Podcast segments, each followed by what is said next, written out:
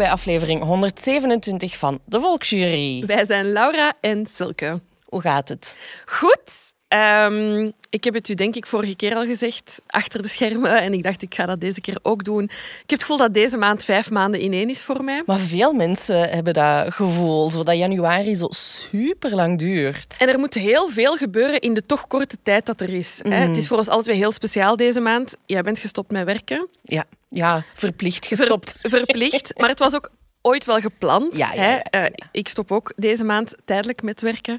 Ehm, we hebben beslist dat we dit jaar, eh, naar aanleiding van onze live shows tour, ehm, even een break pakken op werkvlak, zodat we ons daarop kunnen concentreren. Ja, we zijn eens slim geweest. We hebben eens een verstandige keuze gemaakt. Behalve het feit dat jij misschien toch nog een paar weken eerder had moeten stoppen. Misschien wel, maar ik herinner mij nog heel goed die gesprekken die we eerst samen hebben gehad van hoe gaan we dit aan onze werkgever Ja, ja, ja, zeggen. En alle twee echt met de poepers naar onze, naar onze werkgever. En- kom drie maanden niet. Eh, Ja, en eh, vooral de verbazing van ons dat, we, dat er goed gereageerd is Ja, door iedereen. ja, hè, waar ja. Dat we denk ik ook alle twee heel dankbaar voor zijn.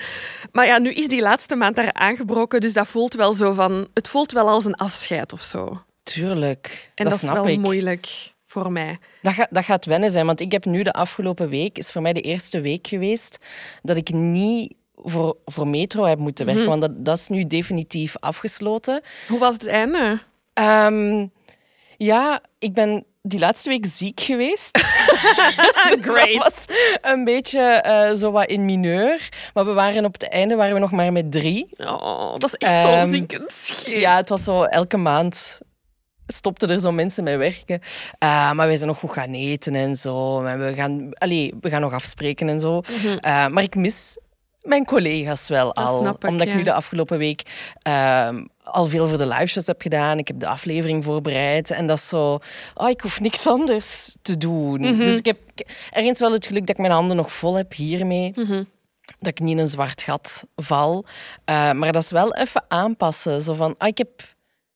Ik hoef geen verantwoording af te leggen Nee, aan iemand anders. het, gewoon ja. aan mezelf en aan u. Ja, en, ik, en ik, ben niet, ik, heb, ik heb niet de hoogste druk op je schouders. You're the boss. nee, dat weten we alle twee dat dat niet zo is.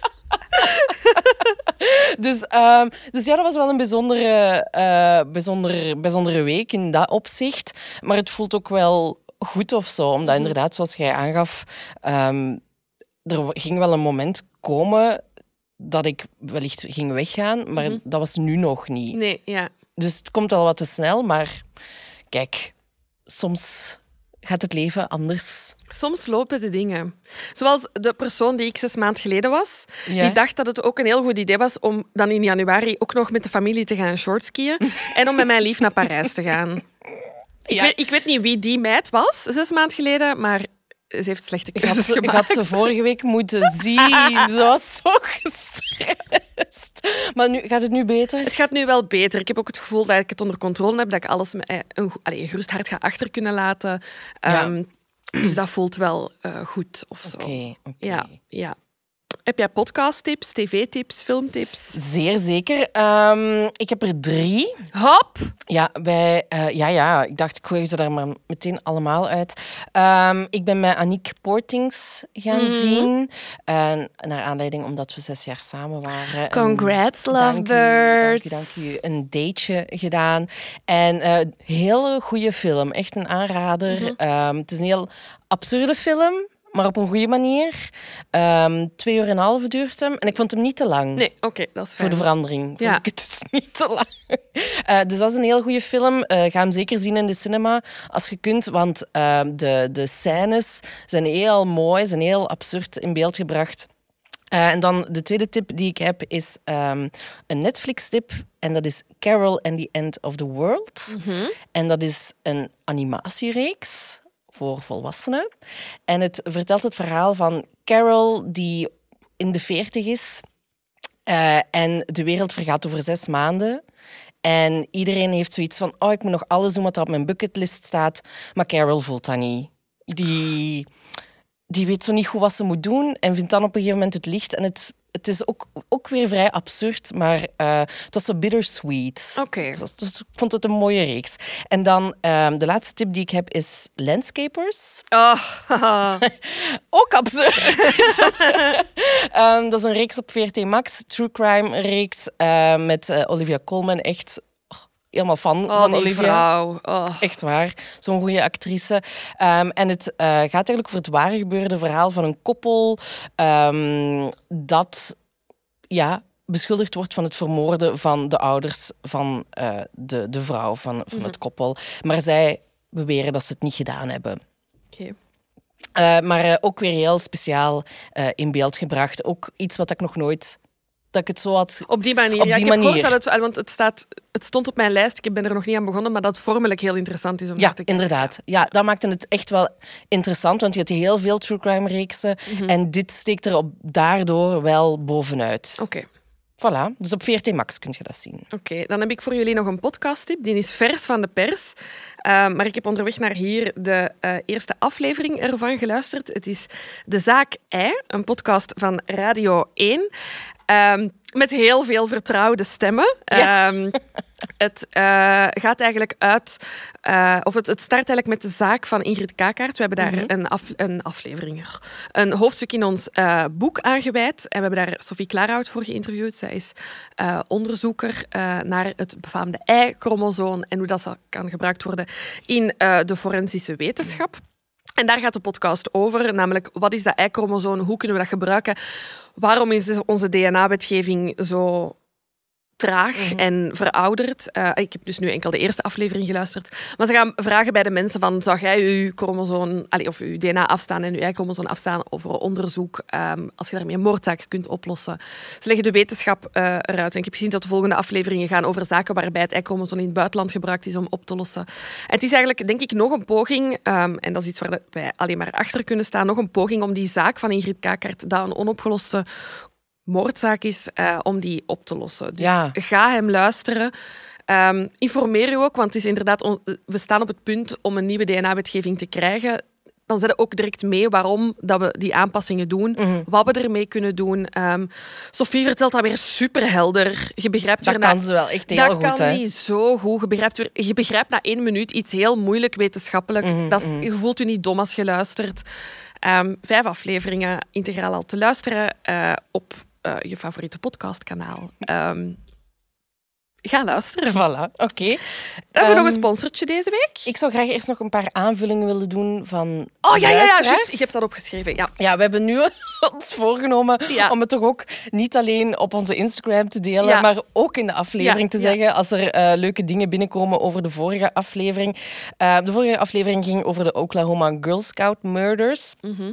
En ehm, er is een berichtje binnengekomen omdat wij ons ja, afvroegen van oké, maar wa- waarom heeft het kamp gelogen tegen die ouders? Ze hadden het over een ongeval, er was iets gebeurd, maar ze hebben nooit echt specifiek gezegd onmiddellijk van ja, uw kinderen zijn dood, ze zijn vermoord. Er is een eh, berichtje binnengekomen en ehm, zij zegt ja, kijk, tijdens mijn jaren als verpleegkundige in het geval van een acuut overlijden belden wij de familie ook met de boodschap dat het bergaf ging. Niet dat er een overlijden was. We waren verplicht het op die manier te verzachten om te voorkomen dat directe familie in blinde paniek in de auto zou springen en zelf een ongeval zou krijgen of veroorzaken door hun paniek. Dus ik kan me ergens wel vinden in hoe dat gesprek toen ging. Zelfs de advocaat, snap ik, in het land waar rechtszaken aan de bomen groeien, ben je beter voorzichtig.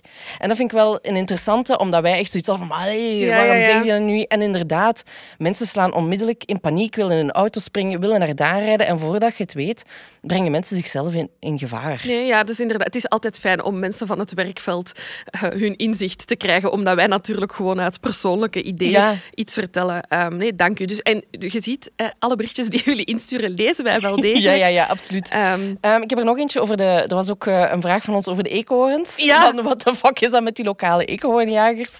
Ehm, En uh, er hebben ook een berichtje over, allee, meerdere berichten over binnengekregen. Ik heb Enorm veel. Ik was toen op skivakantie met mijn ouders en die waren echt zo, want mijn mama zit dan ook op Instagram. Die zei, hoeveel berichten van die eenhoorns ga ik? En ik zei, ja, en ik zei, het zijn eekhoorns. Was het nog niet geluisterd?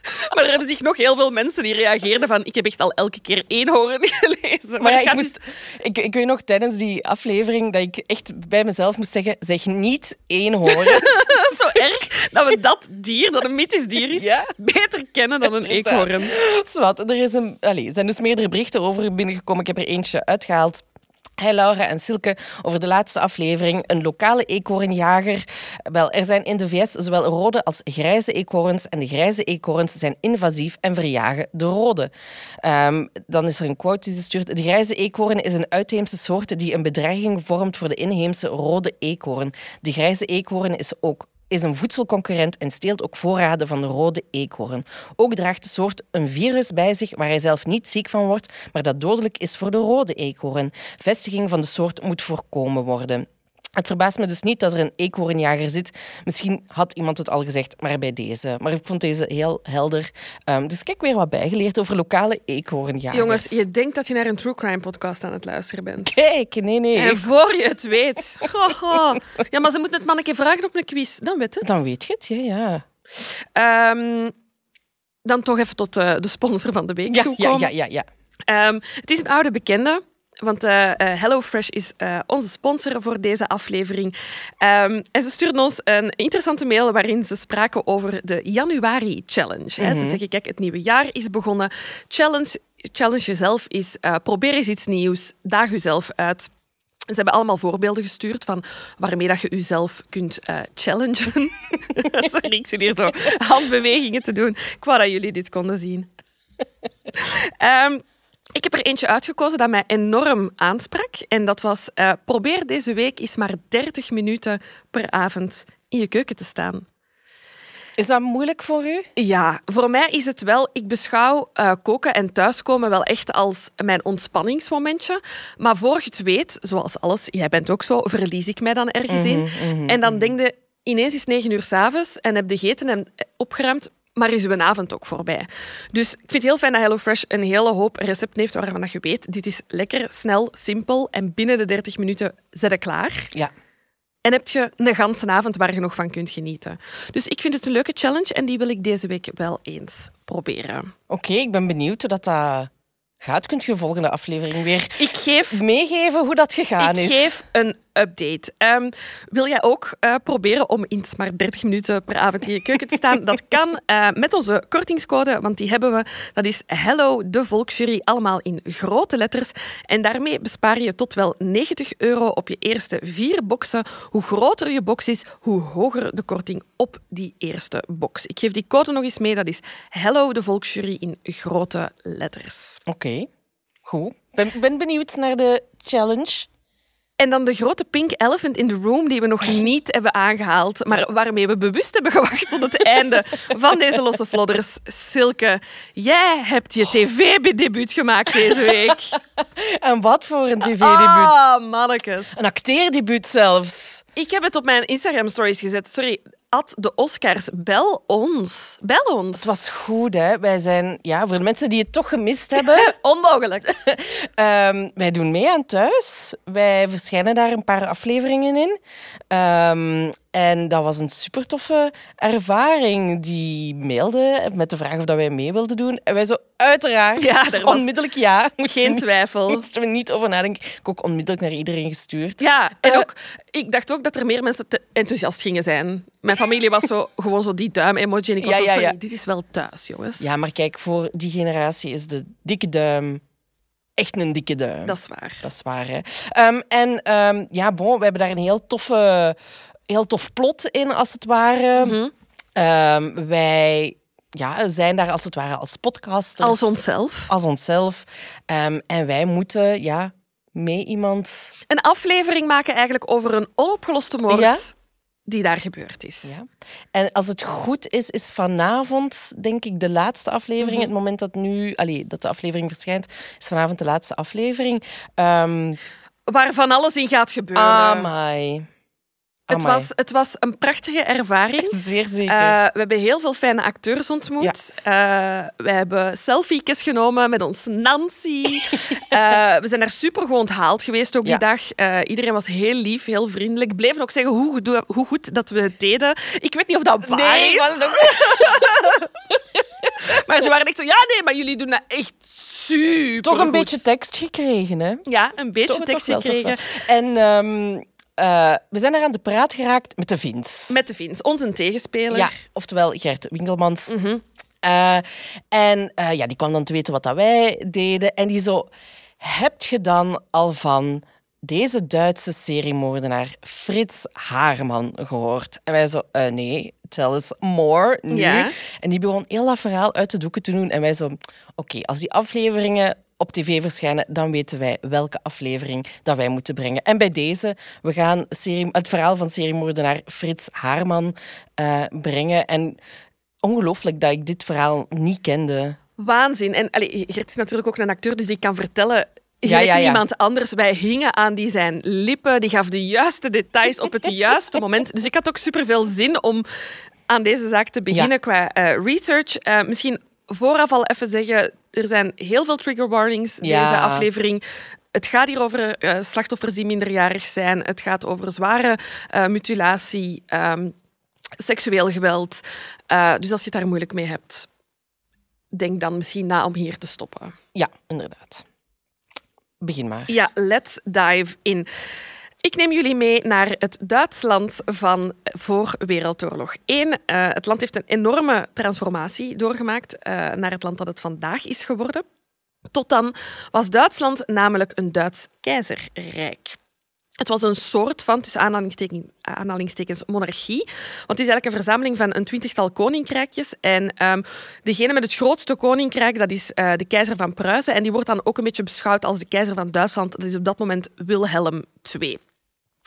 En Wilhelm heeft ambities, Silke. Oh, het zal wel zijn. Die heeft zoiets van: Duitsland moet een sterke natie worden. Ehm, en hij eh, maakt daar werk van door eigenlijk zoveel mogelijk mannen naar het leger eh, te trekken. Het leger is ook in dit verhaal iets eh, belangrijk. Maar dus heel veel mannen worden opgeroepen om eerst dienstplicht te doen en dan liefst zo lang mogelijk in dat leger te blijven rondhangen. Hij smijt zich, net als andere Europese landen, op de kolonisatie van het continent Afrika. Wat moet je anders? Ja, weet je, wat moet, wat moet je anders doen? Echt, ik, ik kan u een lijst bezorgen, Wilhelm, echt een hele lange lijst. Maar goed. Ehm, op 15 jaar tijd groeit Duitsland uit tot de snelst groeiende industrie van de wereld. Dus Wilhelm slaagt wel in zijn opzet. Hij maakt van Duitsland echt een grote natie. Eh, Wilhelm is ook kwaad op iedereen rond hem, in het bijzonder Engeland, Rusland en Frankrijk. En er ontstaan spanningen op Europees niveau, dat uiteindelijk naar Wereldoorlog 1 zullen lijken. En Duitsland die stellen zich zeer agressief op van in het begin. Die hebben zoiets van, wij check ons, check wij zijn Duitsland. En ehm, Wilhelm ehm, aan het hoofd ehm, maakt zijn punt van, kijk, jullie zijn eigenlijk onze vijanden. Ehm, pas op, watch out.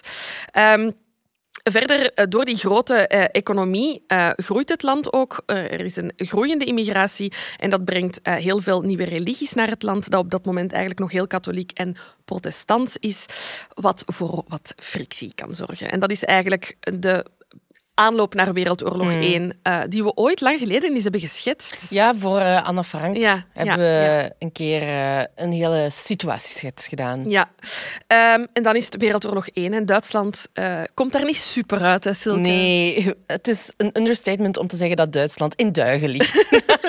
Oh, sorry. sorry aan alle Duitsers, we mogen daar niet bij lachen.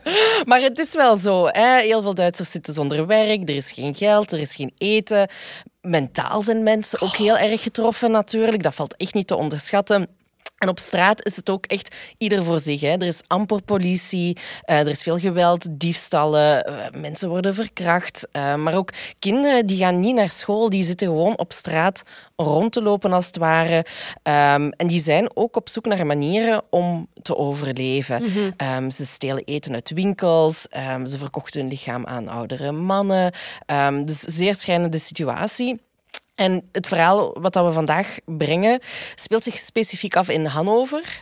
Ja, hier komt de aardrijkskundekenner in mij weer Ah, ja. naar boven. Heb jij opge... Of weet Nee, jij waar Hannover nee, absoluut ligt? niet. Oké, je pakt Amsterdam en Berlijn en je tekent een rechte lijn. Weet ik waar Berlijn ligt? Ja, dat weet ik net nog niet. Heb ik onlangs toevallig te weten gekomen dat dat veel noordelijker ligt Dan je zou denken. dan ik... Ja, Dus je pakt Amsterdam en Berlijn, je pakt je meetlat en je trekt daar een Ja. streep tussen en pal in het midden ligt Hannover. Gewoon zodat je het weet. dan weten we dat. We zijn volledig. We zijn deze podcast. Wisten jullie dat deze podcast aardrijkskundig en wetenschappelijk accuraat is? Zeer accuraat. nu, dus in Hannover, tussen Antwerpen en Berlijn. Amsterdam en Berlijn. Zeg ik Antwerpen? Ja. Oh, only things een Antwerpenaar could say. Ja, eigenlijk. dus ehm, in die stad zijn maar twaalf agenten actief. Twaalf. Dat is een niks. hele, een hele stad. Dus, ehm, en om dat even te schetsen, in één jaar tijd, na Wereldoorlog 1, zijn er in die stad 4000 vrouwen verkracht, aangevallen of als vermist opgegeven. En daar moeten twaalf agenten zich mee bezighouden.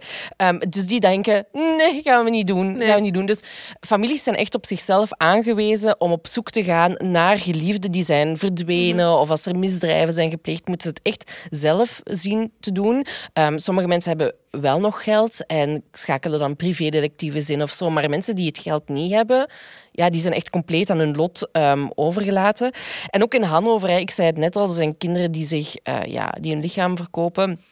Ehm, en ook in Hannover is dat het geval. Hè? Ehm, omdat mensen zijn zo wanhopig op Ja, zoek naar geld. geld. Geld nodig om Ja. te overleven gewoon. Ja. Nu, na Wereldoorlog 1 zitten we ook in een bijzondere periode dat, eh, als het ging om, over ho- homoseksualiteit, dat daar ook een oogje werd voor dichtgeknepen. Hè. In Berlijn werd zo wat de hotspot eh, voor gays, om, om daar naartoe te trekken. Eh, maar alsnog was het verboden. Maar de politie greep enkel sporadisch in als er echt sprake was van een misdrijf. Hè, als er meer dan alleen maar de homoseksualiteit, hè, als er Ja. echt geweld bij te kijken kwam of dergelijke. Ehm, maar aan de andere kant grepen ze ook niet in als gays het slachtoffer waren. Dus Een mes dat langs twee kanten snijdt. inderdaad, inderdaad.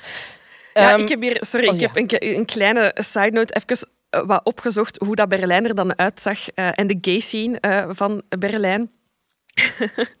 Dus Berlijn werd gezien als een zeer liberale stad met een liberale levensstijl. Wat kunnen we daaronder verstaan, Silke? Vrouwen tonen hun ontblote Oh. Onderarmen in het openbaar. Wat een schande. Waanzinnig. dus dat kon zomaar Ja. in Berlijn in eh, de eind, allee, begin van, eh, van de 20e eeuw. De eerste gay bars werden opgericht, maar er werden ook gay-themed parties, films en theater Ja. eh, was daar te zien. Dus je kunt wel stellen dat zeker in Berlijn de opinie een beetje switcht naar acceptatie van, Ja. van homoseksualiteit. Ehm, en over dat strafbaar feit eh, heb ik het ook even opgezocht. Het is paragraaf 175 in het eh, strafwetboek, de, sorry, de Duitse criminele code. Zo gedetailleerd dat je bent. Ja, zot hè? Ik had een Amai. beetje zenuwen. Ehm, en dus die, die paragraaf stelt dat homoseksualiteit tussen twee mannen een misdaad is.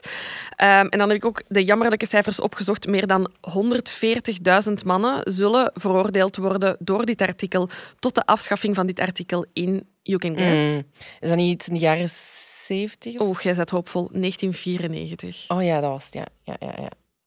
Oef, amai. Shit. Ja, Ehm, en dus wil ik ook nog even kaderen dat de acceptatie die er dan was in het interbellum, waar we ons nu in bevinden, die, dat verdwijnt snel wanneer onze nazietjes eraan komen in Ah de ja, vroege jaren. 30. Ja, ja. Want eh, zij denken er natuurlijk helemaal anders over. Eh, ik heb nog eh, dat de politie, hè, ze zijn maar met weinig, dat die dus wel ehm, veel gebruik maken van informanten. Hè. Die konden ze niet betalen, want geld was er niet. Dus wat dat ze dan wel deden was van ja, kijk, als er dan een misdrijf werd gepleegd, dan lieten we dat gewoon passeren. Oké, dus je mag zelf crimineel zijn als je maar genoeg vertelt over andere Ja, criminelen. inderdaad, inderdaad.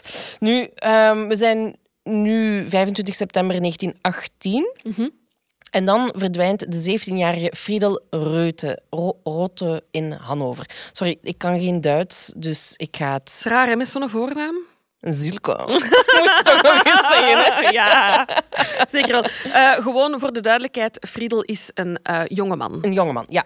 Uh, Friedel, zijn vader, is een soort van hotel-eigenaar die op dat moment nog in de oorlog aan het vechten is. Uh, zijn moeder kijkt niet om naar hem. En Friedel zelf die spendeert zijn dagen eigenlijk voornamelijk in koffiehuizen. Hè. Het is oorlog. Ik neem aan dat er inderdaad niet heel veel andere dingen te doen zijn. Um, maar ja, bon, Friedel is spoorloos verdwenen en heeft een vriend, Fred.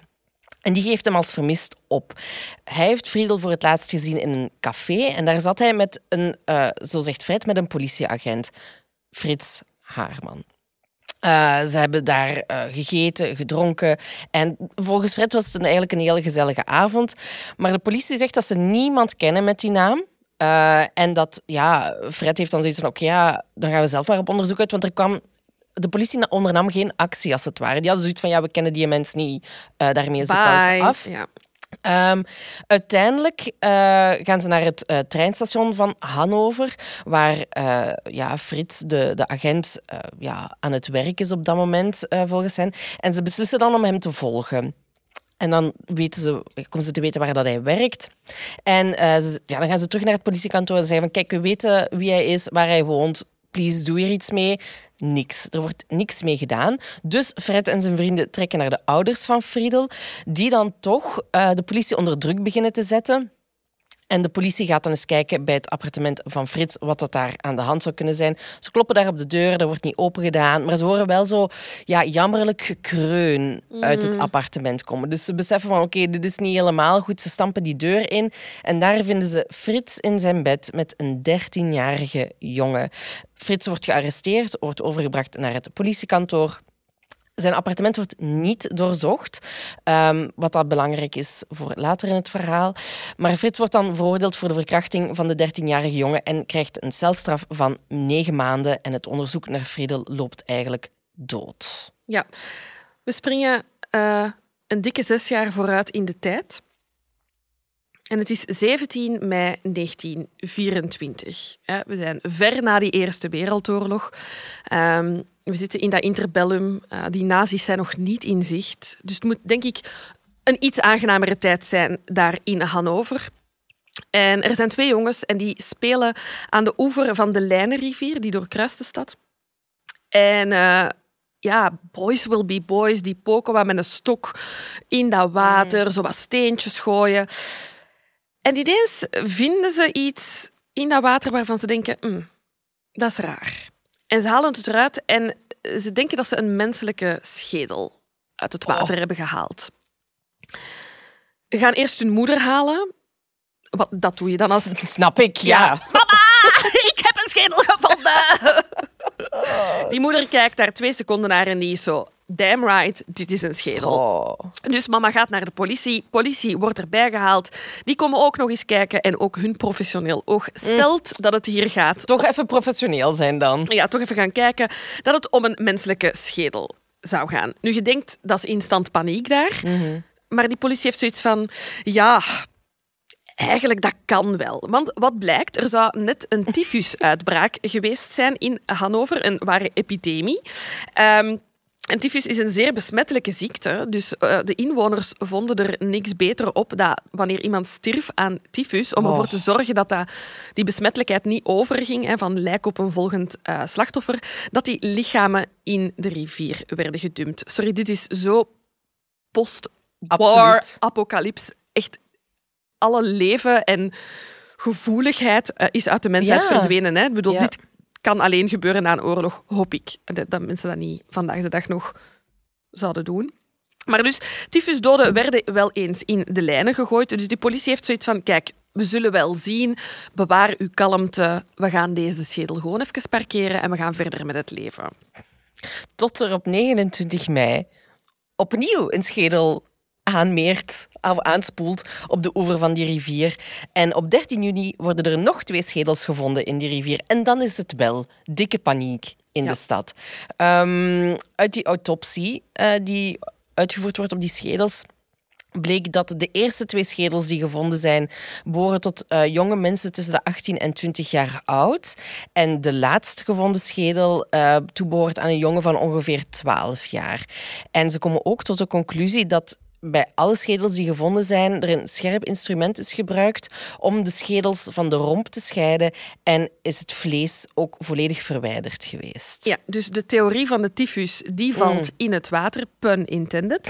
Um, en ondertussen beginnen de kranten in Hannover dat borrelend nieuws aan elkaar te linken. Want wat beseffen de journalisten? Die zeggen onze vermissingscijfers van jonge mannen liggen veel hoger mhm. dan in andere steden. En wij vinden hier allemaal, ineens allemaal schedels in een rivier van jonge mannen. 1 plus 1 is 2. Dan, we zitten nog altijd met een onderbemand politiekorps, denk ik. Want wat er dan wordt georganiseerd, is echt dat tart al mijn mhm. verbeelding. Er wordt een eh, zoekactie georganiseerd door de politie, waarbij dat ze honderden vrijwilligers inschakelen. Imagine, sorry, honderden vrijwilligers om heel die lijnenrivier uit te, uit te kammen eigenlijk en op zoek te gaan naar lichamelijke resten. Maar ik bedoel, je komt net uit een oorlog, je hebt waanzinnige dingen gezien. En dan geeft u ook nog eens op om schedels te gaan rapen in de rivier. Maar ik denk ook, ik, uh, ik, ik, wil, ik, verwijs, ik verwijs daarmee terug naar wat ik eerst, eerst zei in het begin. Mensen zijn mentaal niet oké. Nee, nee. Niet oké. En ze zijn helemaal afgestomd volgens mij ook. Want ja, als je één lichaam hebt gezien, twee lichamen, dat, is zo in oorlog. Hè. Je, je gaat op automatische piloot op een gegeven moment. Um, en dat zal hier ook het geval zijn. Mensen zijn dit, het is heel erg om te zeggen, gewoon geworden. Het is waanzin. Het is waanzin. Ja. Uh, de zoekactie levert wel het een en ander op. Dat is het minste wat je kunt zeggen. Um, er worden meer dan 500 botten gevonden. En daarmee kunnen ze 22 verschillende lichamen puzzelen, mag ik dat zeggen, als het ware? Samenstellen. Samenstellen. 22 lichamen samenstellen. Ja. ja, en dan is het zoeken naar wie dat die 22 lichamen daar gedumpt heeft. Ja, en de verdenking valt eigenlijk vrij snel op uh, Frits Haarman, die dan toch gekend stond bij de politie, ongeacht in 1918. Er was dan toch ergens een klein notitietje gemaakt. Een klein dossiertje geopend. Iemand had daar toch werk van ja, gemaakt. Zes jaar later bleken ze die mens uh, toch te kennen. Uh, die bekend stond als homoseksueel, zoals ze dat dan zeggen, uh, die 15 eerdere veroordelingen had opgelopen vanaf 1896 eh, voor verschillende overtredingen, waaronder kindermisbruik en aanranding van een minderjarige. En hij werd bovendien ook natuurlijk uh, ja, in verband gebracht met de verdwijning van Friedel. Dus daar beginnen wat radertjes te gaan. Zullen we zijn leven even overlopen? Um, Frits is geboren op 25 oktober 1879 in Hannover. Zijn ouders zijn Olly en Johanna Hareman. Uh, Frits is een zesde en laatste kind. En laat ik meteen zeggen dat het geen gelukkige, happy-go-lucky family was. Uh, zijn vader is een arbeider. En op het moment dat hij zijn vrouw Johanna leerde kennen, waar we trouwens ook niet van weten wat dat die vrouw deed in het dagelijks leven. Um, hij had niet veel geld. Johanna daarentegen kwam van de gegoede middenklasse. Johanna is ook zeven jaar ouder dan Olly. En uh, volgens het boek dat we gelezen hebben, niet bijzonder knap. Hoe Olly eruit zag, geen idee. Ook niet bijzonder. Dat doet er ook zo niet toe. Weet inderdaad, inderdaad, maar ik vond dat uh, een zeer opmerkelijk uh, uh, iets dat dat erbij stond. Dat staat er wel vaak bij bij vrouwen. Dat is toch zo jammerlijk. Zo, we kunnen niet zeggen wat deze vrouw als beroep deed, maar ze was lelijk. Ze was lelijk. Sorry, maar... um, nu, ondanks dus haar uiterlijk was er wel een grote bruidschat voorzien voor Johanna die Olly zou ontvangen als ze zouden trouwen. Um, en Johanna was op dat moment al 41 jaar, dus die dacht, oké, dit is mijn enige kans om te trouwen, dus let's go for it. Dus was dat een, een huwelijk uit liefde? Absoluut niet. Nee, het was echt een arrangement eigenlijk, langs de twee kanten. Uh, Olly was ook een afwezige vader. Uh, hij ging werken, drinken, uh, scharrelde dan weer een andere vrouw ergens op. he didn't care eigenlijk, als het ware. niet veel later zou ik ook sterven aan syfilis. En Johanna, ja, ondanks eigenlijk alle fratsen van Olly, was zij blij dat er een man was die geld binnenbracht. Mhm. Ehm, dus dat is de setting van die ouders. Nu, uh, Frits is het laatste kind van Olly en Johanna. Um, en toen hij geboren werd, was Johanna depressief. Ja, het is, ik bedoel, het is geen gelukkige situatie. Dus ze beslist dat Frits bij haar mag slapen. En ja, heel erg eigenlijk, Fri- Frits kwam amper uit die slaapkamer. Ja. ja, het begint eigenlijk met een soort van moederliefde, dat extreme moederliefde wordt, bepampering naar zeer problematisch Ja, gedrag. ja, ja, ja. Eh, Frits werd dan ook enorm verwend. In tegenstelling tot die andere kinderen. Hè. Ja, dus er zijn vijf heel oudere zijn. kinderen zijn. Eh, er is dan ook sprake van jaloezie, uiteraard. Ehm, maar ja, aan de ene kant werd hij verwend, maar hij moest dan ook op een gegeven moment de, de, de kleedjes beginnen dragen van zijn oudere zussen. Eh, ze liet hem spelen met poppen. Eh, wat op zich allemaal niet heel erg is, Nee, maar... want je denkt, je denkt ook zo, ah, ja, we zitten in, Ja. in, in die oorlog, dit zijn de kleren dat voorhanden zijn, maar het, het begint dan te hellen naar, hij werd dan ook geschminkt. Allee, ze, Ja. ze, ze gaf hem make-up om hem aan te doen, strikjes in zijn haar, dus ze dwingt hem eigenlijk in een gender dat niet Ze, het zijne ze liet is. hem letterlijk opgroeien als meisje, inderdaad. Eh, Frits zou ook echt geen idee hebben gehad wat dat jongens eh, quote-unquote deden. Hè. Dus het waren jongensactiviteiten.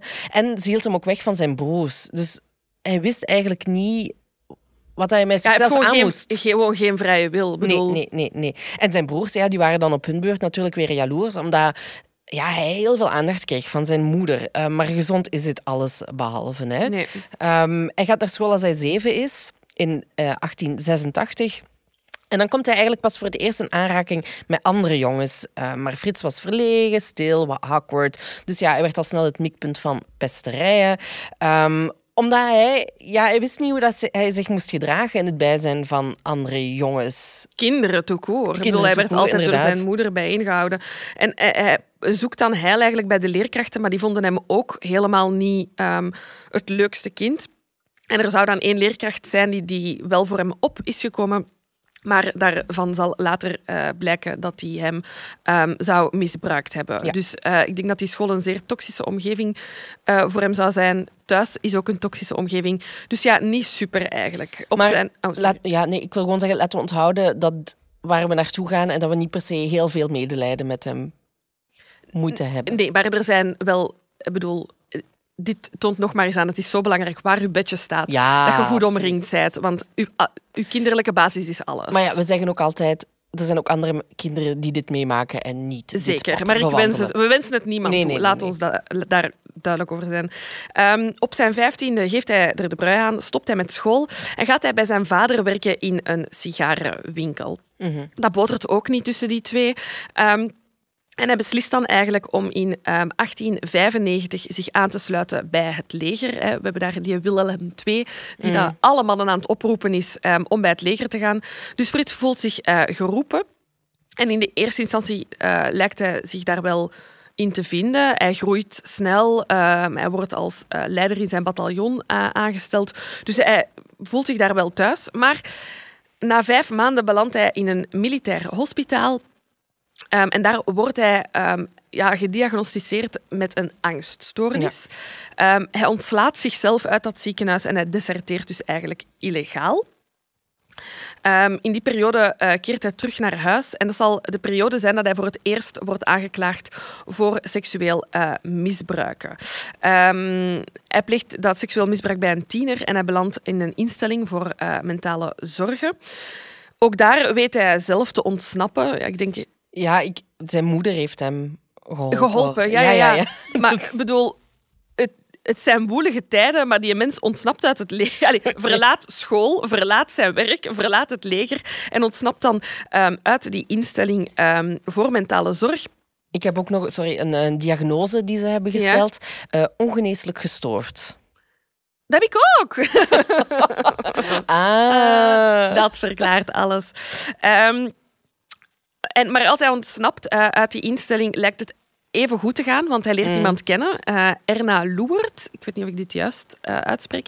Ehm, een vrouw en hij wordt verliefd op haar en de twee verloven zich. Dus lijkt me dan toch wel even een fijne periode in zijn leven te zijn.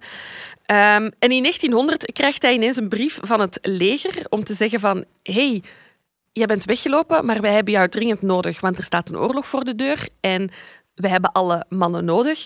Ehm, en Frits heeft zoiets van, ja, ik had me daar toen eigenlijk wel goed, dus allee, ja, weet je, ik ga dat nog een kans geven.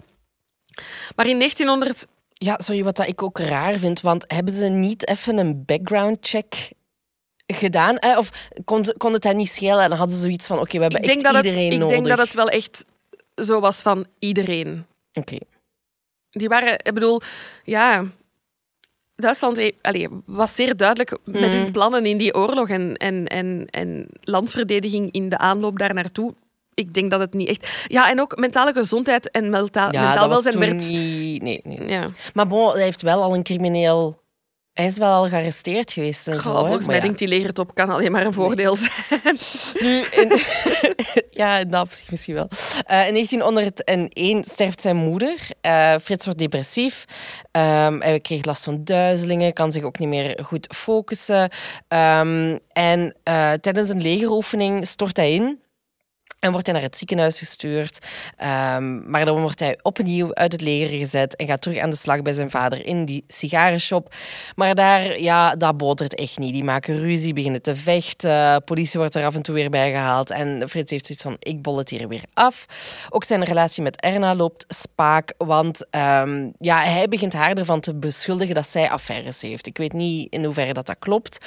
Uh, maar Erna zou ook zwanger geweest zijn. Maar ik heb verder niks gevonden of dat dat kind ook ter wereld is gekomen. Uh, maar Erna trapt het af. En Ik hoop voor dat kind dat dat niet geweten is als die leeft, dat dit zijn vader is. ja, inderdaad. Nu, uh, het gaat eigenlijk um, van kwaad naar erger vanaf Ja, dat moment. Hier is het wel all hell break, Ja. breaks loose. Um, Frits vindt zijn eigen appartement in Hannover. Hij, is, hij, hij, woonde met Erna in Zurich, maar uiteindelijk zijn ze dan um, naar Hannover terug verhuisd. Omdat, ja, Frits wou toch graag dat zijn moeder, toen hij nog samen was met Erna, graag uh, er was, of dat ze bij elkaar waren, omdat hij één zijn moeder miste, maar ook hij wou toch graag dat zijn moeder bij de baby kon Zou zijn. zijn, ja. ja. Nu, hij vindt zijn eigen appartement in Hannover en de volgende tien jaar eigenlijk doet hij heel veel verschillende jobjes, maar hij pleegt ook heel veel misdrijven, diefstallen, fraude. Hij passeert meerdere malen de gevangenis. Um, en in 1913 krijgt hij bijvoorbeeld vijf jaar cel voor fraude. Nu, um, tijdens Wereldoorlog 1 uh, mag Frits de gevangenis verlaten, omdat ja, alle mannen zitten op dat moment in het leger, maar er moet ook nog gewerkt worden. Dus Frits mag uh, vrijgelaten worden. Uh, hij komt in 1918 vrij en verhuist opnieuw naar Hannover. Ik vind dat raar dat ze dus dan zeggen van eh, we hebben alle mannen nodig, die zitten allemaal aan het front.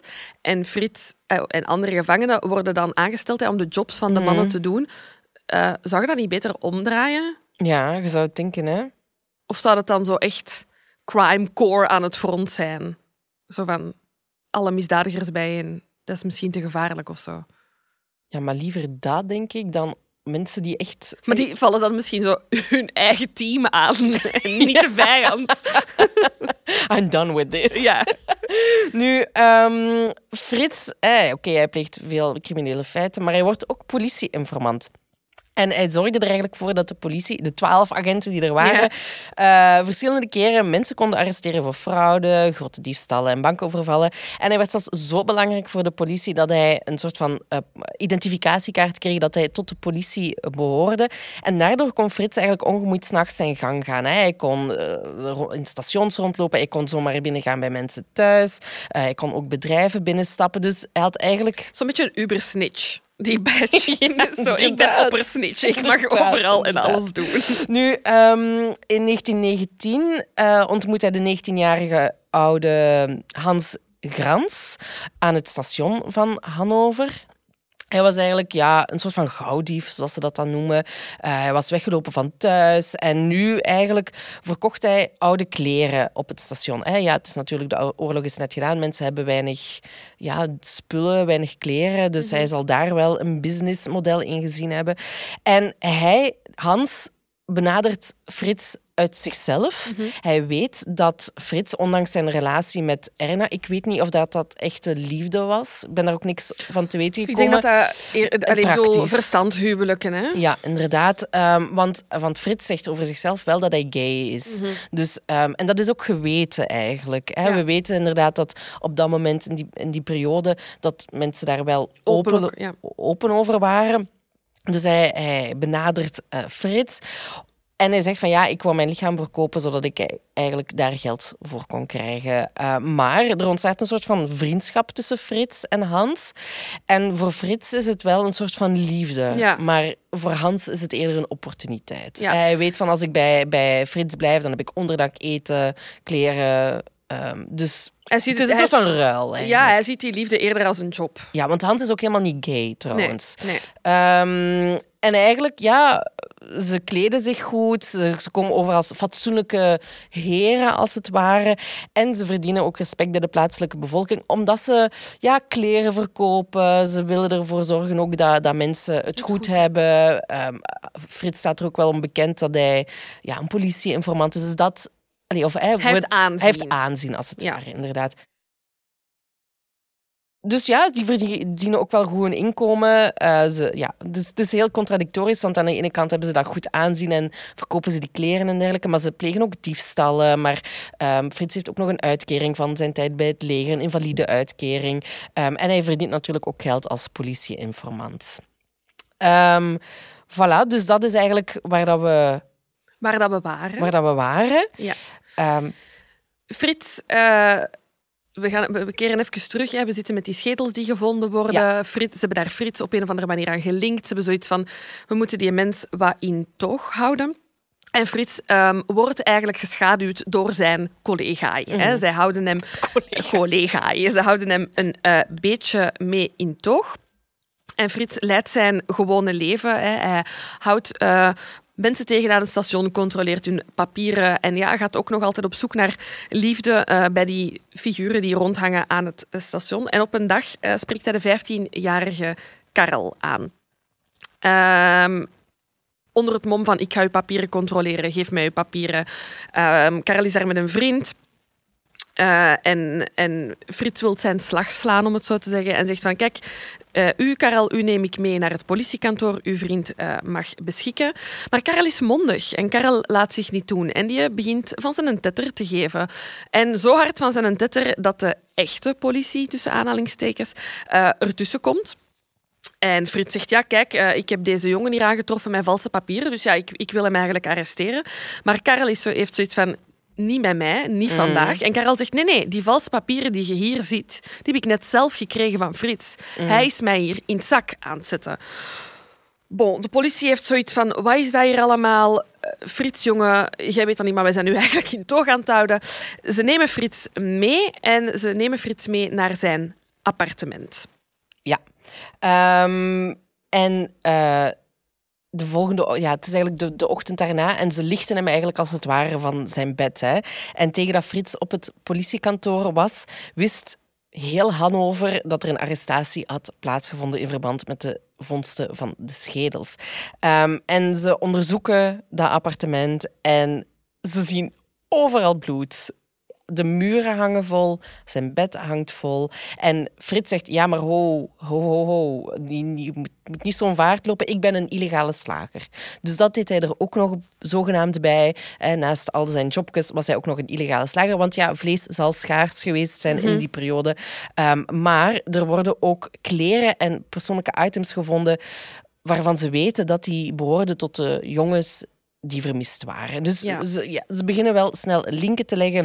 Ik vond, vond het bijzonder, in dat boek zeiden ze van ah ja, de politie vond veel kleren en ze vinden het te veel kleren voor het inkomen dat Frits had en ik voelde mij persoonlijk aangesproken. De dag dat ze bij mij binnenbreken, gaan ze ook een rekensom maken en denken die meid heeft Dit veel kleren. Niet. Dit klopt niet. nu, um, tijdens zijn verhoren, dat vond ik wel heel apart, mag zijn zus erbij zijn uh, om hem te helpen met het beantwoorden van vragen. En blijkbaar was dat een tactiek destijds Mhm. Dat ze dachten van kijk, als we er een familielid bij zitten, dan gaat de verdachte zich zodanig schuldig voelen dat hij snel het, um, het, de ondervraging gaat willen afronden en dan de waarheid gaat zeggen. Dat hij zich onder druk gezet gaat Ik kan voelen. u met 100% zekerheid zeggen, als ik ooit word gearresteerd, bij mij liefst geen familie, want ik ga liegen als mijn familie erbij ja, zit. Ik vind Sorry, dat... met mijn moeder naast mij heb je dat gedaan? Nee. En dan zo... toch knikken van jawel, jawel. Ja, ik zou ook eerder de neiging hebben van ik zeg nu toch echt niks. Nee. Als mijn mama naast mij zit. Nee. nee. Nu, het ding is, die zijn zus Dat is nog iets anders. Ja, misschien, misschien, als... met Thomas en Sander dat we Ja. nog zo... Lol, ja, ik heb dat gedaan. maar niet bij moorden. Niet bij moorden, maar ik, ga, ik denk zo fraude of... ja. Lol, of ik- nee, maar... Of jij hebt te veel kleren. Lol, ja, dat is waar. Ik heb die allemaal gekocht. Zeg me nog even bij lolvrouw. Sorry. Sorry, we spreken hier over zeer ernstige feiten. Maar het is dus dankzij die zus dat hij overgaat tot bekentenissen. Ze neemt hem even apart en zegt, Frits, gast, vertel gewoon wat er gebeurd is. En Frits zegt van, kijk, ik heb nooit mensen willen vermoorden, maar ik had gewoon een oncontroleerbare seksuele drang. En ik wil het nu even over de modus operandi hebben. En dit is, hier is echt wel de trigger warning van toepassing. Ja, laat ons eh, stellen voor de mensen die nu aan het afronden zijn, dat we de reden gaan geven waarom hij de vampier van Hannover wordt genoemd. Ja. Dus Frits heeft tij- tijdens zijn verhoren toegegeven dat hij de, tijdens de moorden ja, dus een soort van onweerstaanbare drang kreeg om ook in de adamsappel te bijten van zijn slachtoffers, terwijl hij dan zijn slachtoffers met de hand wurgde. Ehm, wat zou daar ik bedoel, de, de doodsoorzaak als het ware van zijn geweest. Dus die mensen zouden eh, een soort van ademhalings- en hartverlaming hebben gekregen. Ik ben geen dokter, dus berichtjes zijn weer welkom als ik dit helemaal verkeerd uitleg. Ehm, Sorry, ik hoop dat vandaag de dag dokters niet meer worden geconfronteerd met iemand die zijn adamsappel uit zijn nek gerukt wordt. ja, maar mensen hebben wel nog steeds een hartverlamming soms. Hè, als Ah ja, eh, oké, ja, ja, oké. ja. eh, of Maar we hoeven geen expliciete details over mensen die zonder adamsappel verschijnen Nee, in het ziekenhuis. Nee, dank u wel. Ehm, en daardoor, ja, als het, je hebt je strottenhoofd en daarboven zitten zenuwen of zenuwstammen, als ik het goed heb begrepen. Ehm, en als die dan nog eens door druk worden samengeperst, en dan ontstaan daar dus ja, ademhalingsproblemen, ja, op zijn minst. En een, eh, kan er een hartverlamming ontstaan. Dus ze waren niet in staat om zichzelf te verdedigen. Nee. Er is, Eh, eh, ja, ja, sorry. nee, Nee, ja, Frits zegt er wel heel trots bij dat er ooit iemand ontsnapt is. Dus dat het eigenlijk dat dat het ultieme bewijs is dat hij het niet deed om te doden. Want Nee. er is iemand kunnen weggeraken. Ehm, en de politie twijfelt eigenlijk snel aan zijn verhaal, omdat er nooit iemand zich gemeld heeft met dergelijke verwondingen. Nee, maar ja, daar kun je ook natuurlijk de vraag bij voorstellen: wilde die persoon dat ook gaan Ja, melden? overleeft je dat, hoe koer? Ja, bon, dus alsnog eh, veel vragen daarbij. Ehm, blijkt ook, zo geeft hij toe tijdens zijn verhoor, ehm, dronk Frits dronk graag het bloed op van zijn slachtoffers. Vandaar de vampier van Hannover. Ehm, de lichamen van zijn slachtoffers. We gaan zo dadelijk eh, meer in op de slachtoffers zelf. Dit is gewoon zijn modus operandi. Eh, die werden kort na de moord in stukken gehakt. En ehm, Frits zegt zelf dat hij dat bijzonder onaangenaam vond. Och, arm Frits. Ja. Ehm, hij is na zijn eerste moord, zo zegt hij, acht dagen ziek geweest van wat hij gedaan heeft. Maar hij zegt van ja, ehm, de, de, de, de, de De drang. drang was veel groter dan de weerzin van het moorden en het in stukken te hakken. Ja. Ehm, en hij zegt van ja, dat, dat in stukken hakken duurde vaak twee dagen. Ja, zal ik even vertellen hoe dat hij te Ja. werk ging. Eh, om zich voor te bereiden, zoals wij allemaal doen, iedereen heeft zijn ritueeltjes, was dat bij Frits een eh, kop koffie drinken, zwarte koffie. En vervolgens plaatst hij het lichaam op de vloer in zijn appartement. Ik vind het ook apart dat hij koffie drinkt en zo niet even een whisky of zo. Of snap ik heb je? hier straks een mening over. Uiteraard. Straks kom ik later op terug. Dus tasje zwarte koffie, lichaam op de grond van het appartement en bedekt dan het gezicht eh, van het slachtoffer. Hij begint bij de eh, darmen, die snijdt hij eruit en die legt hij in een emmer. Dan neemt hij een handdoek die hij in de buikholte plaatst om het verzamelde bloed ja, Op te te s- absor- ja. absorberen, zeg maar. Dan eh, het wordt echt heel expliciet, hè, mensen, dus het is nu de moment om weg te gaan. Ehm, hij maakt drie sneden tussen de ribben en de schouders ehm, van de persoon. En dan duwt hij op de ribben tot de schouders rond, de botten rond de schouders breken. Dan, ver- ja, ik vermoed eigenlijk echt om die ribbenkas open te Ja. doen. Dan het hart, de longen, de nieren van het slachtoffer eruit. Die worden in blokjes gesneden en bij, bij die ingewanden in de emmer eh, gelegd. Dan zijn we eigenlijk, zitten we met een geledigde romp, om het zo te stellen. Dan worden armen en benen van het lichaam afgehakt. Dan wordt de eh, romp en die ledematen, eh, maden ver- ledematen versneden. Al dat vlees eh, wordt als het kan weggegooid in het toilet, maar meestal wordt het verzameld om dan later in de rivier te gaan dumpen. En op het allerlaatste eh, neemt hij het lichaam van de slachtoffers eh, eh, vast om het te onthoofden. Dus het hoofd wordt van het lichaam verwijderd. En nadat dat gebeurd was, ehm, wat hij trouwens deed met een klein keukenmes, ik wil niet weten hoe lang dat, dat duurt. Ja, twee dagen, hè? Ja, maar expliciet dat hoofd. Dat hoofd. Uh.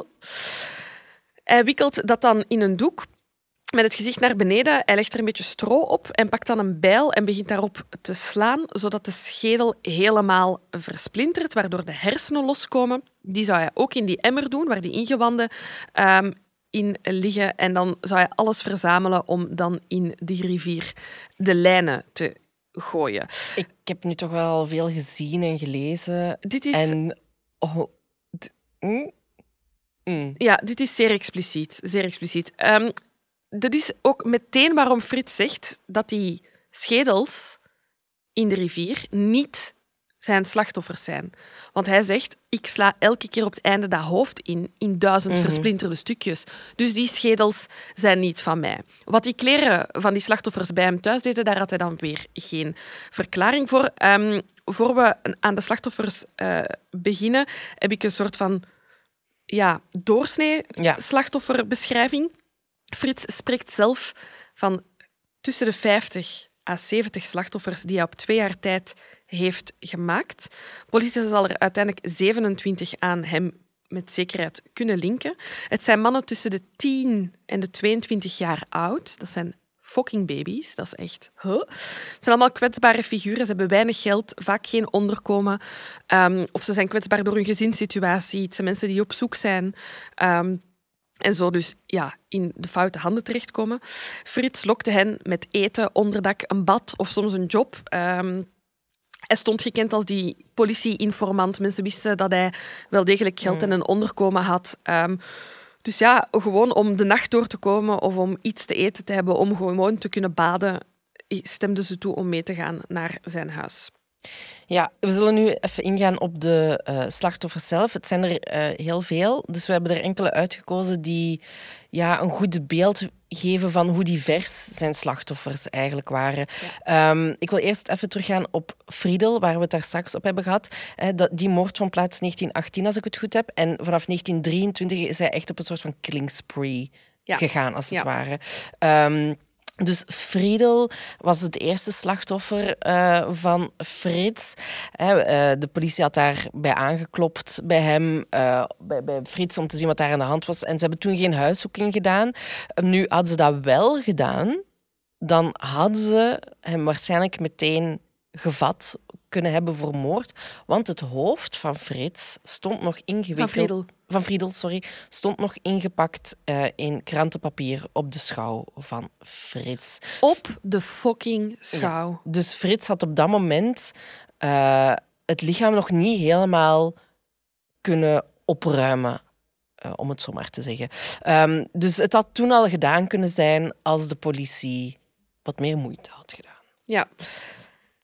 Dan hebben we Frits Franke. Dus Ik wou dat gewoon, sorry, nog even schetsen, nee, omdat we het maar. net zijn modus operandi hadden ge- gegeven. En het leek me wel verstandig om daar even terug op te komen. Jij moet u niet verantwoorden. Dit is jouw podcast. Dat is waar. Frits Franke, dus eh even verwarrend, want dit zijn twee Fritsen. Maar we hebben Frits het slachtoffer, de 17-jarige. Zullen we hem Franke noemen, het slachtoffer? Oké. Eh, het is haar podcast. Zij kiest wat we doen. Ik ben toch een beetje de baas. Een beetje? Sorry, ik lig hier zwaar onder de sloef al meer dan vijf jaar lang. Kan je niet verder op?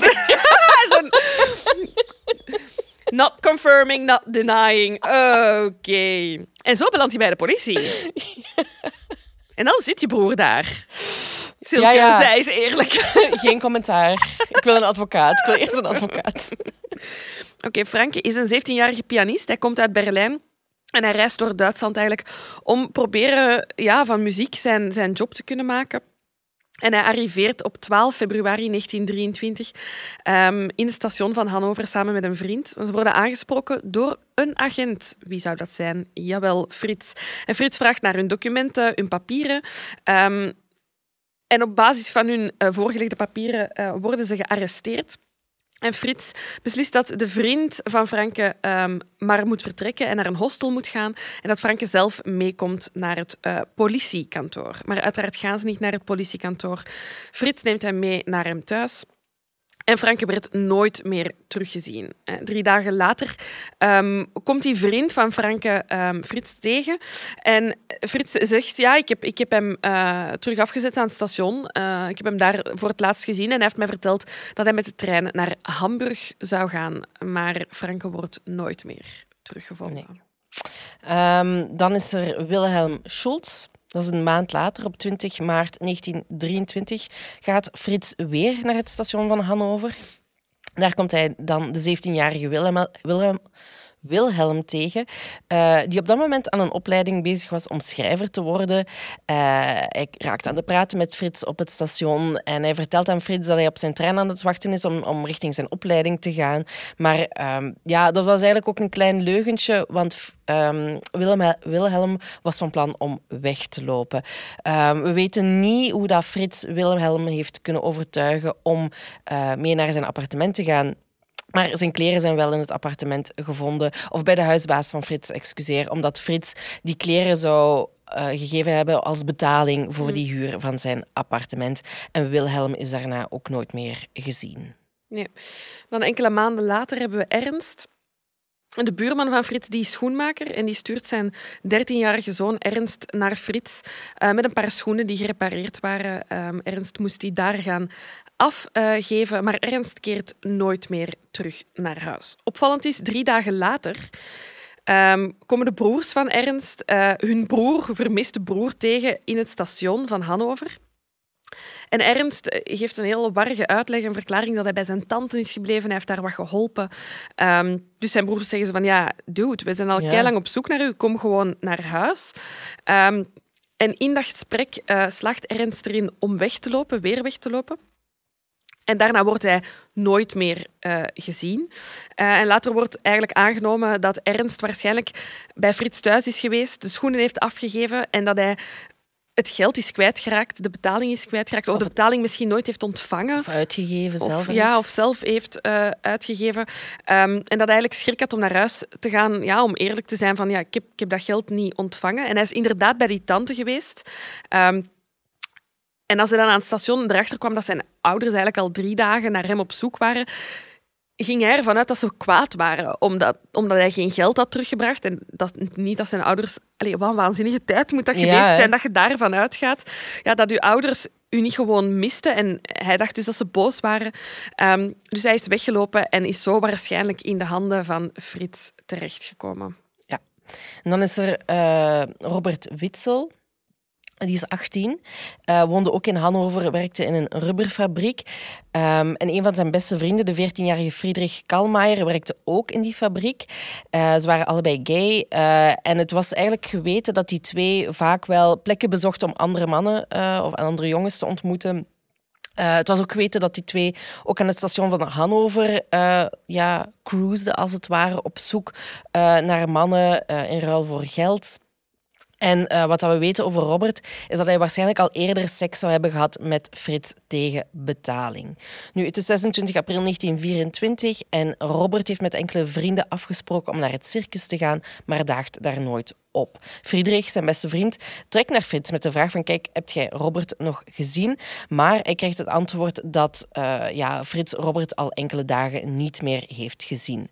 Nadat die schedels zijn ontdekt, trekt Roberts moeder naar de tandarts uh, van, van Robert. Um, dus ze hebben dus nog wel tanden ook in die schedels gevonden. Mm -hmm. um, en uh, die kan eigenlijk bevestigen hoe dat ze dan specifiek weten dat dit Robert zijn schedel is, voordat ze die laten onderzoeken, weet ik niet. Maar ze, ze, ze laten die tanden onderzoeken van uh, die schedel. Die tandarts doet dat. En die bevestigt dat het om uh, ja, haar zoon gaat. En de andere delen van zijn lichaam zijn nooit ontdekt geweest. Ik vrees dat ik een antwoord... Ik denk een antwoord te mm. weten op uw vraag. Ja? Um, ik denk dat wij schedel nog te hard zien als een doodskop. En ik vrees dat daar nog herkenbare gelaatstrekken... Want we weten... Allee, er wordt nergens gezegd dat hij het vel van de kop haalt, van het hoofd Maar hij haalt. heeft het toch helemaal weggeschraapt? Niet per se. Hij wordt, ze worden onthoofd. Ja. En hij haalt er wel zo ogen en zo uit. Maar volgens mij zijn er nog Ah, ik dacht dat hij het, het, het, het vlees, als het ware... er ook af... Ah ja. Dus dat is voor mij een vraagteken. Maar misschien dat er ehm, ja, andere dingen gevonden zijn. ehm. Kan, ja. We zullen even de lijst overlopen. Hè. Het Ja. zijn in totaal eh 27 namen die we hebben. Eh, ze kunnen er uiteindelijk 22... Ik denk, we zullen er zelfs verder op ingaan. 22 linken aan hem. Eh, maar we zullen ze even overlopen. Hè. Ehm, het is eh Friedel Reute, 17. eh Frins Franke, 17. Wilhelm Schulze, 17. Roland Hug, 16. Hans Sonneveld, 19. Ernst Ehrenberg, 13. Heinrich Stroes, 18. Paul Broniszewski, 17. Richard Graaf, 17. Wilhelm Erner, 16. Herman Wolf, 15. Heinz Brickman, 13. Adolf Hanappel, 17. Adolf Hennies, 19. Ernst Spieker, 17. Heinrich Koch, 20. Willy Senger, 19. Herman Spijchert, 16. Herman Bok, 22. Alfred Hoogreve, 16. Wilhelm Apel, 16. Robert Witzel, 18. Heinz Martin, 14. Frits Wittig, 17. Friedrich Abeling, 10. Friedrich Koch, 16. En Erich de Vries, 17. Ehm er zijn Wow, er- dat is wel, als ja. je die lijst leest, dat is en lang. zo jong. Ja. Je moet ook denken, dat zijn jonge mannen die net als kind een wereldoorlog hebben overleefd. Ja. En dan in mogelijk nog een gruwelijkere situatie om het leven komen. Ja, zijn laatste moord dateert van 14 juni 1924. Eh, Een 17-jarige jongen. Waanzin. Ehm, ja, en er zijn ook nog twee zaken waar hij van verdacht wordt. Dat is de 14-jarige Herman Koch en de 17-jarige Hans Keimes. Maar daar, wordt, ja, daar kunnen ze verder niks mee doen eigenlijk. Ehm, maar eh, Herman, eh, sorry, Frits, die gaat wel naar de gevangenis. Ehm, so- sorry, naar de rechtbank. Eh, de rechtszaak begint op Spoiler! die begint op 4 december 1924. Ehm, hij wordt aangeklaagd voor de dood van 27 eh, jongens en jonge mannen die tussen september 1918 en juni 1924 zijn verdwenen. Eh, in 14 van die gevallen geeft Frits toe dat hij schuldig is. Ehm, maar in die andere zegt hij van ja, daar heb ik niks mee te maken. En ook Hans, de man waar hij mee samenleefde, eh, wordt aangeklaagd. eh, maar die zegt van ja, ik ben ook niet schuldig. Eh, en het gaat dan vooral over medeplichtigheid in het Ja. geval van Hans. Ja. Die rechtszaak ehm, wordt ook wel eens de eerste moderne rechtszaak genoemd. Eh, er was heel veel enerzijds eh, publieke aandacht. Elke dag waren er honderden mensen die daar in de rij stonden om die rechtszaak te kunnen bijwonen. Ehm, en anderzijds zou het een van de eerste rechtszaken geweest zijn waar de media is toegestaan om live, allee, live tussen aanhalingstekens, Mhm. eh, de krant kon daar live het proces volgen om dan verslag uit te brengen. Ik heb een getuigenis van Elisabeth Engel klaarstaan. Ja, ik wil nog even over die pers. eh, Ah, dat is uw ding wel, hè? De pers. De pers, ja. Ze komen. wist het zo. Ehm, en zij hebben eigenlijk eh, enkele namen voor hem gecoind. Ehm, de slager van Hannover, de vampier van Hannover of de wolfman. Ehm, omdat ja, natuurlijk, we zaten met het bijten van die Adamsappel, het bloed. Dus dan moet daar natuurlijk een catchy naam voor verzonnen worden Ja. door de pers. En ja, eh, ja nu, nu kunnen we. We kunnen We kunnen. Oké. Ehm, dus op de getuigenstand verschijnt Elisabeth Engel en zij is eigenlijk de huisbaas van Frits. Dus zij verhuurt haar eh, appartementje eh, aan Frits. En ja, zij komt maandelijks bij hem om geld te innen hè, ehm, voor de huur. En op een dag komt ze daartoe en staat er daar een bouillonke te pruttelen op het uh, stoofvuurtje. En Elisabeth kan het niet laten om een keer te piepen in dat potje om te zien wat de Frits daar juist aan het uh, koken is. En ze verschiet, want ze merkt op dat het vlees dat in het potje zit uh, wel heel erg lijkt op een menselijke mond, op de lippen. Maar hij schildert het zelf af als uh, dat is een varkensneus. Um, Elisabeth zou het ook aan de politie verteld hebben. En zij zeggen hetzelfde. Het zal wel uh, een, uh, om varkensvlees gaan. Um, en het, het verhinderde Elisabeth er niet van om illegaal vlees te kopen bij Frits. Hè. Onze illegale slager verkocht ook vlees aan zijn huisbaas. En uh, Elisabeth getuigt dat na het eten van worsten die ze bij hem had gekocht, de hele familie is ziek geworden. Hij heeft het zelf al gezegd dat hij een illegale slager is. En nu dit. Ja, maar Frits zegt daar wel van dat het schapendarmen waren. Kijk, ik zeg u één ding. De familie van Elisabeth Engel hebben mensenvlees gegeten. Ja, er, er zijn meerdere getuigen die verklaren dat ze zeggen van ja, kijk, um, hij verliet heel vaak zijn appartement met pakketjes vlees.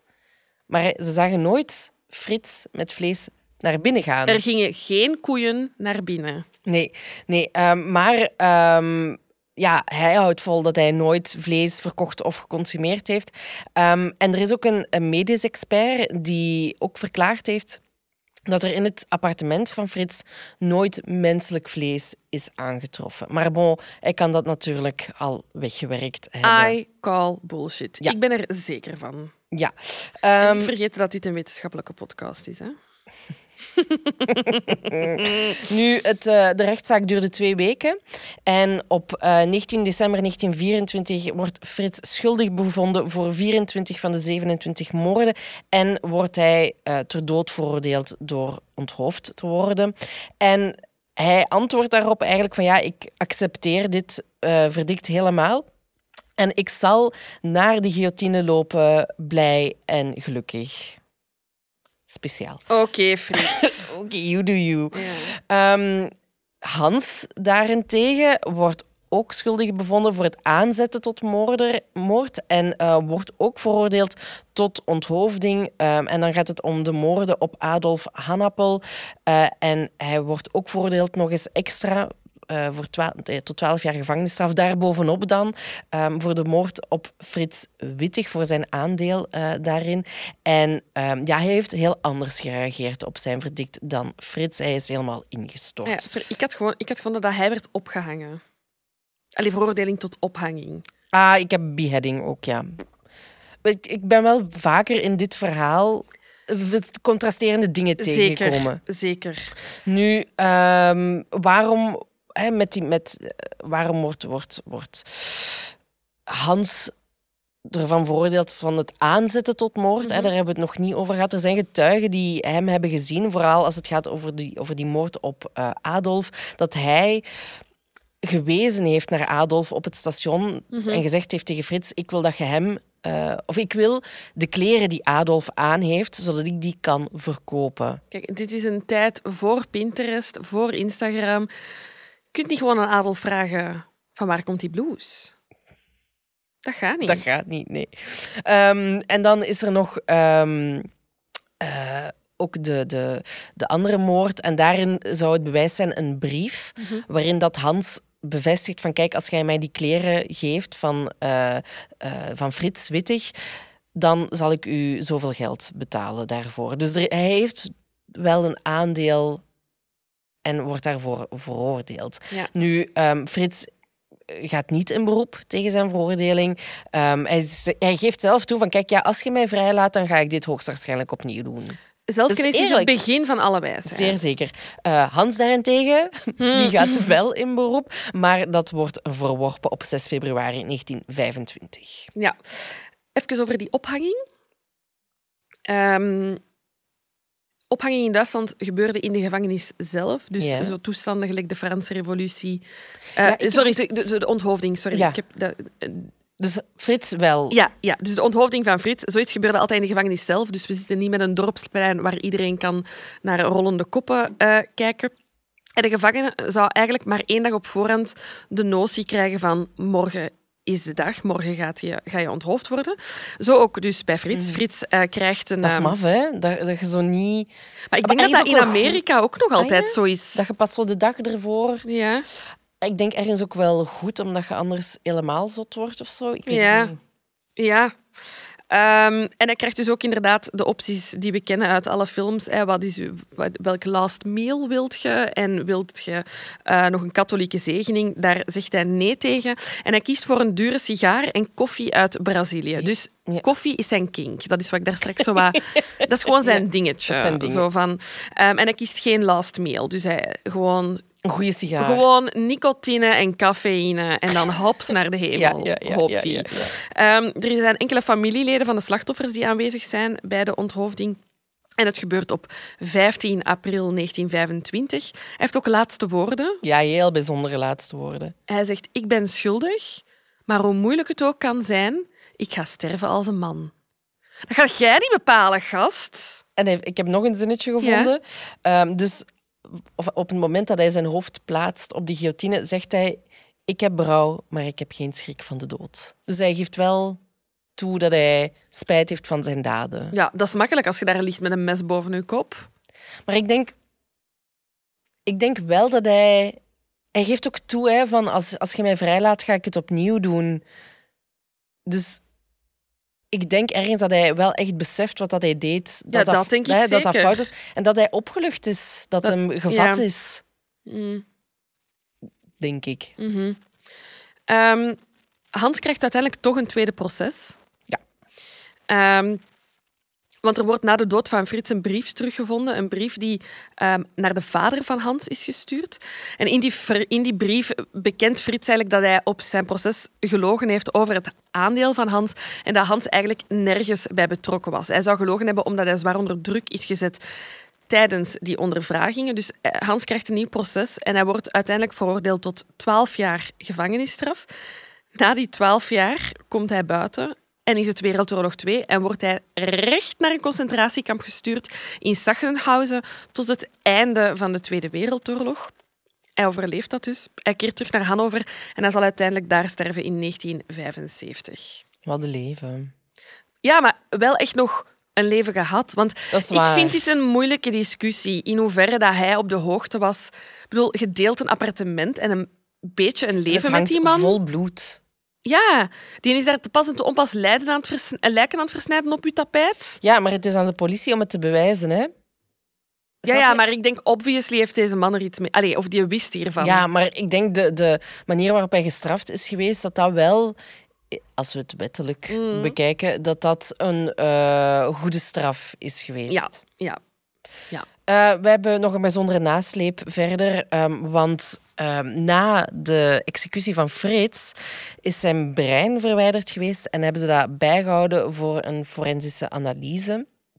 En eh, bleek eigenlijk dat die man ook aan een hersenvliesontsteking had. Ehm, ik heb verder niet gevonden of dat ze nog iets wetenschappelijk te weten zijn gekomen over hem. Ah, Laura zegt jawel. Ik heb ook direct opgezocht, want bedoel, ik weet niet hoe dat, dat bij u is, maar als kind had ik, en eigenlijk nog altijd, maar ik ben een hypochonder, maar als kind was dit echt een van mijn grootste angsten om een hersenvliesontsteking te krijgen. Ah ja? Omdat dat zo acuut is en je daar echt vrij snel van sterft. En omdat ze, ik weet niet of dat, dat echt is, maar dat ze dan zo prikken en dat hier dan vloeistof uitspuit aan de achterkant van je... Laat het ons weten, ik weet het niet. In ieder geval, ik heb altijd angst om een hersenvliesontsteking te hebben. Ehm, dus ik heb even opgezocht hoe dat die gast kon leven met een hersenvliesontsteking. Maar er is blijkbaar een virale ehm, variant dat heel traag gaat. Wat zijn ervan de symptomen? Hoge koorts, spierpijn, hoofdpijn, sufheid, verwardheid, misselijkheid. Er is geen indicatie van wanneer hij zou besmet geweest zijn. Maar in die periode stierf 90% van de besmette Amai. mensen. Ehm, en er wordt wel gesuggereerd dat ja, al die druk, die pijn en die klachten een invloed zouden kennen op, op zijn gedrag. Ja.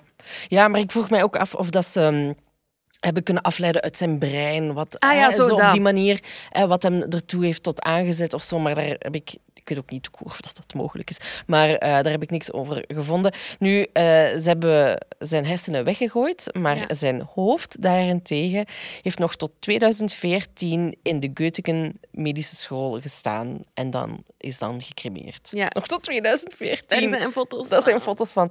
Gaan we, ehm, ik raad die aan om ze zelf op te zoeken, want anders gaan we geflijkt worden. Ja, ik ga ze niet delen. Ik ga Nee, ze niet delen. gaan we niet delen. Dus maar die foto's bestaan. Ja, en dan heb ik nog een ehm filmnerd, weet je. Mhm. De film M van de eh, Duitse eh, regisseur Frits Lang. Een gekende eh, filmmaker uit 1931 is gebaseerd op het verhaal van Frits Haarman. Dat gaat over een Duitse seriemoordenaar. Hij heeft verschillende seriemoordenaars.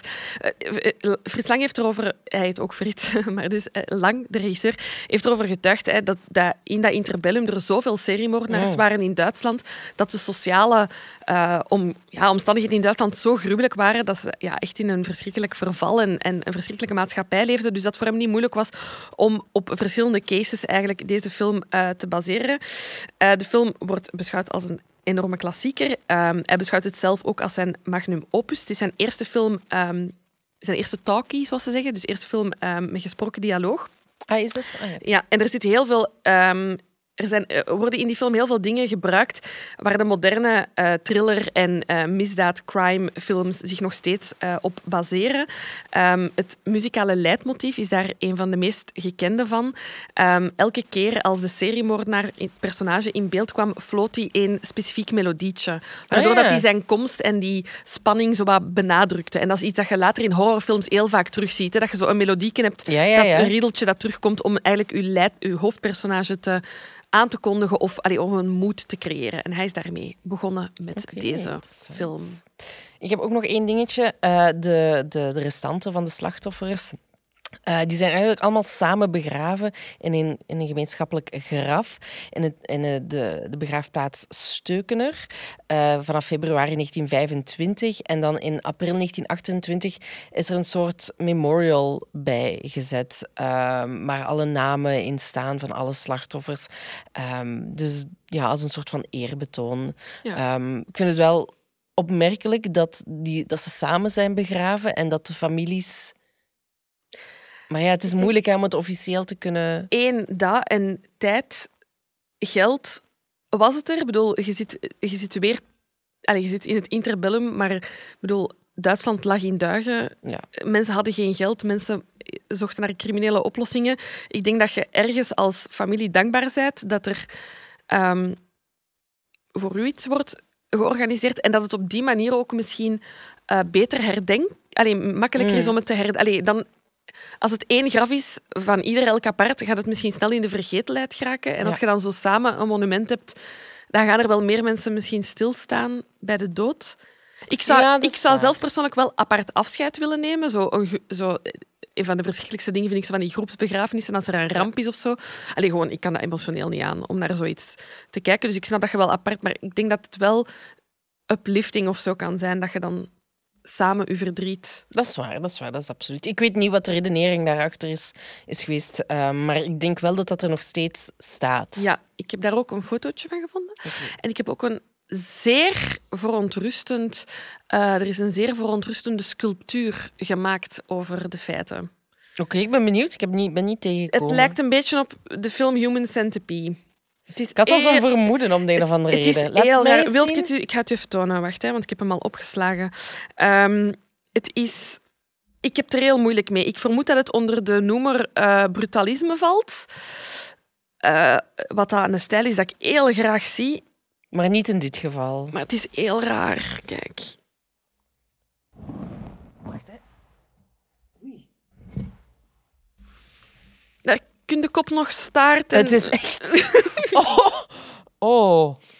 Ja, soms, denk heb je, soms heb je dan met die standbeelden dat ze... De intentie was er, Ja. maar de uitwerking, daar kun je iets compleet anders in ja, zien. dit kunnen we wel delen, denk ik. Ik denk niet dat we gaan geflijkt worden, want it's art. Maar Nee, nee, nee, nee, nee. Vooral het centrale beeld. ja, het, het, En- het, het, het middenstuk is problematisch.